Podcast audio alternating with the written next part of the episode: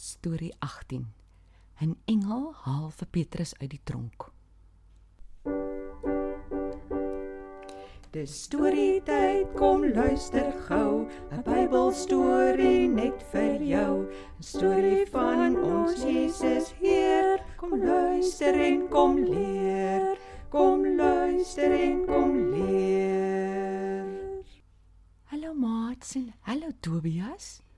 Hallo Tannie Karen. Hallo Ngots.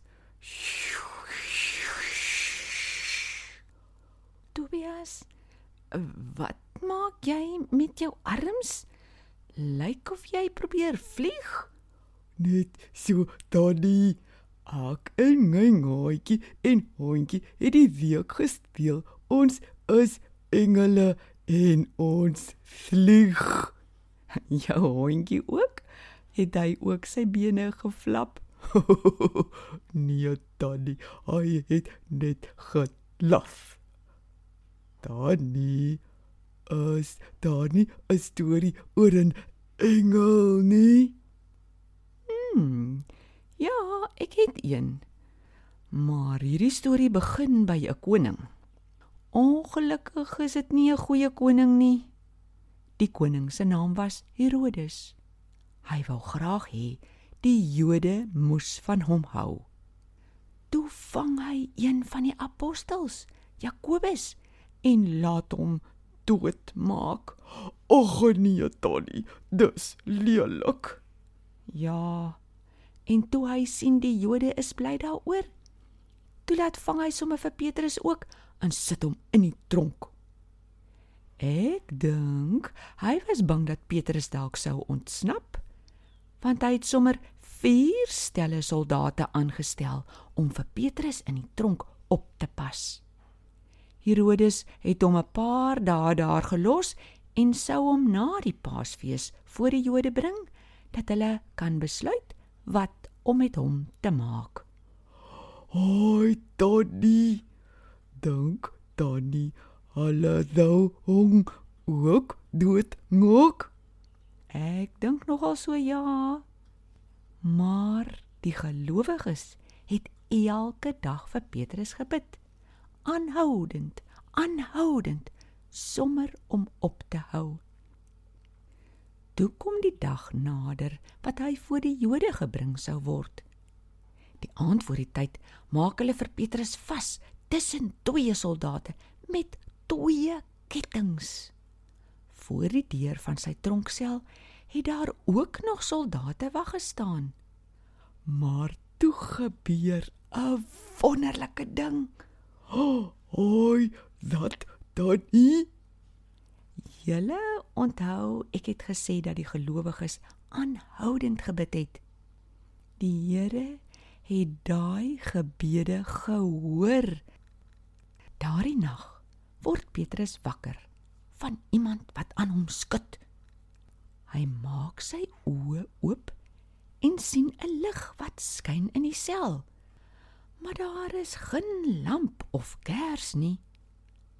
Hy kyk op en wat sien hy?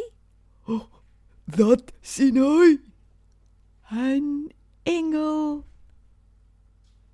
Die engel sê vir hom: "Staan gou op." Petrus wou nog dink dat hy eintlik vas is aan twee soldate, toe plonks, plonks, val die boeye van sy hande af. Petrus skrik en dink: "Nou gaan die soldate wakker word."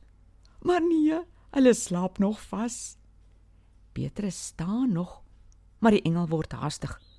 "Trek aan jou skoene en maak vas jou gordel. Jy sal lekker vinnig moet kan beweeg as ons hier uitgaan." Petrus doen dit toe, maar die engel por hom nog aan. "Toe, toe, trek nou jou boekleed ook aan en kom." Daar na toe Tannie. Hulle dis dan in die tronk. Petrus het toe nog nie besef alles wat hier gebeur is regtig nie. Hy dink nog heeltyd hy droom. Nou ja, die engel vat hom deur die eerste deur verby die eerste wag sonder dat hy hulle raak sien. Hulle loop in die tronk se gang af verby die tweede wag en hy sien hulle ook nie raak nie. Dis hoekom Petrus toe nog steeds dink hy droom net.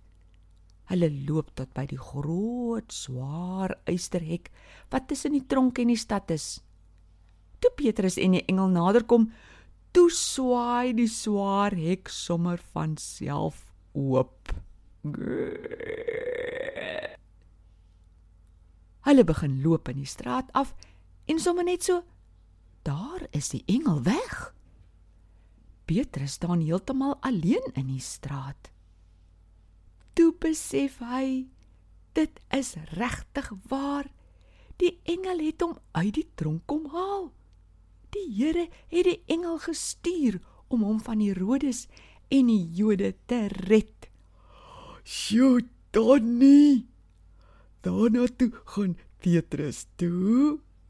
Petrus gaan toe dadelik na die huis waar die gelowiges saam bid. Hy klop aan die deur en wag 'n bietjie. Hy hoor, hier kom iemand na die voordeur toe. Dit was Rode, een van die diensmeisies. Sy vra toe: "Wie is daar?" Petrus antwoord: "Dit is ek, Petrus." Rode was so opgewonde. Sy hardloop terug na die ander mense sonder om die deur oop te maak. Sy roep: "Petrus is by die deur." Die gelowiges vra: Wat sê jy? Sy herhaal: Petrus is hier. Hulle kyk na haar en sê: Vanaand is jy skoon mal. Kom kyk self, dit is hy. Maar hulle sê: Nee. Dis maar seker sy gees. Hulle het mos geweet hy's baie goed bewaak daar in die tronk. Intussen staan Petrus nog buite die deur en hy klop en hy klop. Die gelowiges hoor die geklop en nog mense gaan toe na die voordeur. Hulle maak die deur oop en so waar daar staan Petrus in lewende lywe. Hy glip by die deur in en sê: "Sst. Luister gou hoe goed die Here vir my is." En toe vertel hy die hele storie van hoe die engel hom uit die tronk kom haal het. Hy vra toe, hulle moet dit asseblief vir die ander apostels ook vertel. Hy gaan toe nog die einste aand na 'n ander plek toe. En Herodes dan nie. Herodes en die soldate was stom verbaas toe hulle besef Petrus is weg. Hulle kon nie glo dat hy tussen hulle uit kon ontsnap nie. Herodes was so kwaad vir die soldate dat hy hulle laat doodmaak het. Maar vir Petrus kon hy nêrens kry nie. Petrus kon aangaan om vir mense van Jesus te vertel. Donnie, dis 'n baie mooi engel storie.